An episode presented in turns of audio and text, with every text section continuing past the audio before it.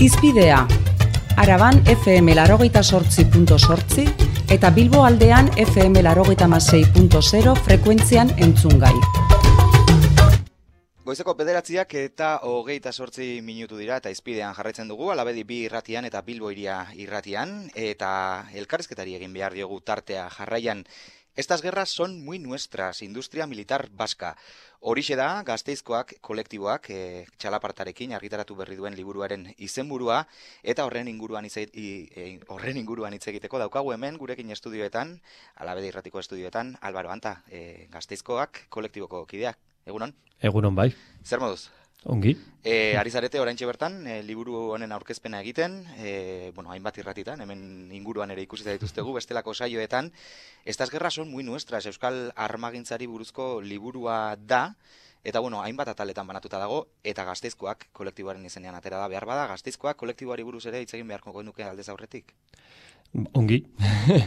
egia esan hogeita bost urte dara matzagu ja e, lanean, baina egia da ere, nahiko lokalean sartuta gaudela, beti, beti ere, eta kalea, kalera begira bagian zera, gutxi irtetzen gara, edo. Mhm. Orduan, hogeita bost urte eramarrarren, ba, jende asko ez gaitu ezagutzen, hori, hori horrela da. Behar bada beste gara batean, ez intsumisioaren garaian, eta bestelako kontuak puri-purian zeudenean, edo, bai. garai hartan bai, ez, gaztizkoak eh, talde antimilitaristak bazuen bere sona, behar bada orain bestelako kontuetan zaudete, eh, difusio kontuetan, eta, mhm. eta horrelako kontuetan, eta liburu hau da horren horren erakusle. Bai, orduan sortu zen zea gazteizkoak taldea, baina egia esan zen kolekteiamo antimilitarista gehienak eh, lanean ari ziren intsumizuan eta ba, jende konkreto bat, bat batek eh, ikusi zuen ba, beste arlo batzuk ere jorratu bat zirela. Orduan sortu zen gazteizkoak taldea, gaztu militarra, armargintza, eta horrelako kontrol soziala, horrelako e, ze arloak jorratzeko sortu sortu izan zen. Hmm. Bai. Estas guerras son muy nuestras izeneko liburua e, azteko garaian, e, Euskal Herriak, ego Euskal Herriak, armagintzan e, duen historiari buruz hitz egiten duzu hasieran. Zein da, ze, nolako historia daukagu ego Euskal Herrian armagintzari buruz? Ba, gu hasi ginenean, ja... Hainbesteko e, lotura daukagu. Ba, oh, bueno, historikoa da, lotura historikoa da. Bai, orduan ez eginenean, e, taldea sortu zenean eta ikusi zen, ba, basegoela arlorretan, armagintzan, e, aritzen ziren e, enpresa desente asko. E, baina orduan ez ginen horretan geratu ginen, ez, ginen, ez genuen atzera egin, ez? Eta e, badatuak topatu izan ditugu, e, za, historikoki horrela izan zela, horrela izan dela. Euskal Herrian nahi armagintzan beti hor egon dela, beti armagintza e, enpresak egon, egon direla, eta zera amabos garren mendetik aurrera ikusten da. Osa, badaude artxiboetan horrelako datuak. Eta beti moldatu izan da oso ongi, zera eh, aldatu izan ditu bere arloak eta ba, zera, eguneratzeko, edo. Gaur egun ere aldaketak izaten ari dira eta beti moldatzen dira negozioa egiteko. Inolako arazori gabe esaten duzu amabos garren mendetik, baina hor liburuan aipatzen duzu e, Euskal Armagintzaren, Euskal Industria Armamentistikoaren amarkada basatia. Zein izan da amarkada basati hori? Ba, badirudi, ba, gerrak edo konfliktuak e, egon zirela, bueno, bigarren munduko gerraren ondoren, ba, e, izan zirela konfliktuak, eta hemen Balkanesetan eta Iran, Irak, eta hor, et baina ondoren badirudi zera... E, ba, bakea edo iritsi zela nola baitez, baina esen horrela, konfliktua jarraitzen zuten hori mm. horretan. Eta e, armagintzan hemen, ba, egon ziren zera garai batean, ba, zera pistolak eta egiten zituzten enpresak, eta leher, gaietan zera aritzen zirenak, eta hoiek, ba, nolabait desagertu egin ziren, ez. Ta badirudi hemen ez ogoela e, zera armagintzan aritzen ziren enpresak, ez. Baina bere arloak aldatu ziren eta, bueno, aeroespazialean eta misiletan sartu ziren hoiek eta nolabait bazirudien inolako armagintzarik ez egoela hemen, baina egon bazegoen eta negozioak egiten zituzten. Konfliktuak ere baziruden gutxitu zirela, baina moldatu zituzten beraien negozioak eta esportazioak ba, ba iristeko zera, leku guztietara bere haien produktuekin, ez? Mm. Inolako arazori gabe. Gastu militarrari buruz hitz egiten dugunean, e, behar bada oraintxe bertan, e, aipatu dugu, ez? Amabos garren mendea marka da basati hori hainbat eta hainbat kontu, baina e, oraintxe bertan burura datorkigun lehen gauza gastu militarra aipatzen dugunean bai da, bai da krisia eta murrizketa kontuak eta ez dakit e, zentzu horretan gaur egun nola dauden kontuak e, armagintza industriari dagokionez. Gastu militarrak eta bestelako kontuak. E, beti izan, bueno, urtero, urte urte e, atera izan dugu zera, txosten bat gastu militar, militarraren inguruan, ez? Ba, konturatu ginen aldi, alde batetik e, googlantzen genuen zela e, aurrekontuak, eta aurrekontuak gauza batzen eta handik hilabete batzuetara ikusten zen nola likidazioan askoz gehiago gastatzen zela gastu militarrean, ez? Eta gaz, e, likidazioa ikertzea zailagoa da. Ez daukalako le, momentu finkorik eta eta hori alde batetik. Eta bestaldetik e, iskutat, daude zera, e, partida asko beste ministeri, ministeritzean eta eta horiek zenbatzea ere e, zaila izan zaigu beti. Ezaten duguna da, datu bat ematen badugu, ziurazki e, oso txikia izango dela, konparatuta mm-hmm benetan, benetan errealarekin, ez? Errealarekin. Orduan, datu horiek normalean ez ditugu ez ditugu ematen, ez? Baina gaur da eguna adibidez, e, aurten atera da iasko likidazioa, aurrekontuena eta ba, defentsa ministeritzak adibidez, e, gastatu du aurre kontuetan zetorrena, baina euneko laro gehiag, e, berro gehiag gehiago, ez? Orduan, alde horretatik, ez daukate inolako arazorik e, alde batetik bestera mugitzeko dirua, eta normalean, normalean defentsan gastatzen dena. Oso, ari gara egiten, ari gara egiten, hori, estatuko aurrekontu hori da, bai, bai, hori da, estatuko. Eta, eta bapatean, aurkezten duzun e, aurrekontu horretatik, eh, azkenean emaitza da, euneko berrogei gehiago gastatu gehiago, hori, hori da. Hori aurrekontua kontuan hartuta, bai, eh? Bai, bai. Gero gastatuko dutena hortik aurrekontuetatik eh, kanpo edo defentsa ministeritzatik kanpo, ba, ere handiagoa izango da. Aipatzen duzunean defentsa ministerioetatik kanpo, zeintzuk dira beste ministerio horiek, esan edut, eh, badaude bestelako implikazio batzuk armagintzan, eh, orain bertan erredakzioan aipatzen zen iskidan, bestelako kontuetan ere egiten zela inbertsioa armagintzara bideratuta. Ez behar bada zuzenean, ba, adibidez, em, e, bueno, e, liburuan agertzen den e, morenez jauna, ba, bere jatorria zea euskalduna dena, getzotik datorrena, e, hori bere, e, bera izan zen, zera, e, e, aznarrekin, esen ministroa, orain zera, e, ondoren izan da, izan da Rajoirekin ministroa, baina bera kultzatu zuen ze armagintza modernizatzeko plan batez, programa bat eta horretan gastatu zituen hogeita maoz mila milioi milioi euro. Baina e, defentsa ministeritzak ezeukan diru hori, orduan eskatu behar izan zuen kredito bat industria ministeritzari. Aha. Handik urte batzuetara, e, kreditoiek ez ditu, oraindik hori izan zen 2002an, eta oraindik geratzen dira hogeita mar mila milioi inguru bueltatzeko. eta Diru hori, e, Zapatero gonzenean, Konstantino Mendez izan zen bere postu hartu zuena ministeritzan, ez ministroa, baizik eta aurreko postua. E, morenesek izan, izan dako e, zea postua. Eta mm, tipo honek, e, soeko tipo honek, esan zuela, e, diru hori ez zutela aurretik, ez dutela orain, eta ez, ezin izango dela zera kreditu horri aurre aurregin. Gainera, berak esan zuen zera erositako armak gaur egun ez dutela balio eta horrelako prestatuta zeudela konflikto batzuetarako orain ematen ez direnak. Hau da, gastatu zituzten ez, gastatu zituzten hogeita mila milioi ez zituztenak. Gara horretan... Gerra humanitarioetan ez dira bestelako kontuak behar dira, ez? Ba, ba bueno, humanitario, humanitarioak zerbait esateagatik. Hori ba, hori ba. Baina, baina ez, hemengo armak bideratzen dira, horiek ziren... E, Ze Eurofighter 2000 abioi adibidez, edo fragatak, edo tankeak, eta Oiek eh, oraintze bertan, oraintze bertan Eurofighter hori erabiltzen ari da Sirian, zera Sirioak bombardatzeko. Eta Eurofighter horretan adibidez, bai, bai hemengo enpresa diren Aernova eta ITP parte hartu izan dute. Berez ITP horretan parte e, proiektu Eurofighter horretan parte hartzeko zera sortu izan zen. Orduan, e, hori ikusten da nola zertarako erabiltzen diren arma arma hoiek eta nolako implikazioa daukaten zera hemengo hemengo enpresek, ez? Hemengo enpresak zeintzuk dira enpresa hoiek? Ze, Ba- ze, zeintzu ba, dira berez- nagusiak, eta batez ere hor atzean dauden izen potoloak Pedro Morenes aipatu duzu, nik Mhm. eh, liburu honi esker deskubritu dut getxoztarra dela, hori, Ba, ba, guk ez genekien ez dute. gutxi arte, dola gutxi arte. Bai. Mhm. Zeintzu dira enpresa horiek?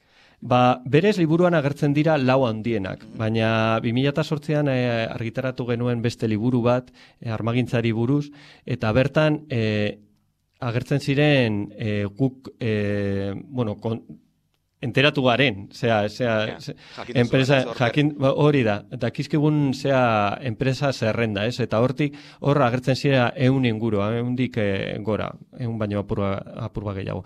Eta hor agertzen da, zehazki datu, datu konkretuak, zertara, zer, zer nolako armagintza zea ekoizten duten, eta zer, nol, zer nolako pertsona dauden zehatzek aldean, ez?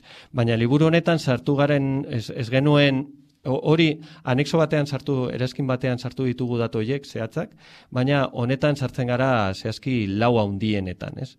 Eta hoe dira, Aernoa, Aernova eta ITP, aeroespazial ze arloan aritzen direnak, Zener, misileak eta elektronika militarran aritzen, di, eh, aritzen dena, eta SAPA, egiten dituena tankeak eta eta ibilgailu militarrak.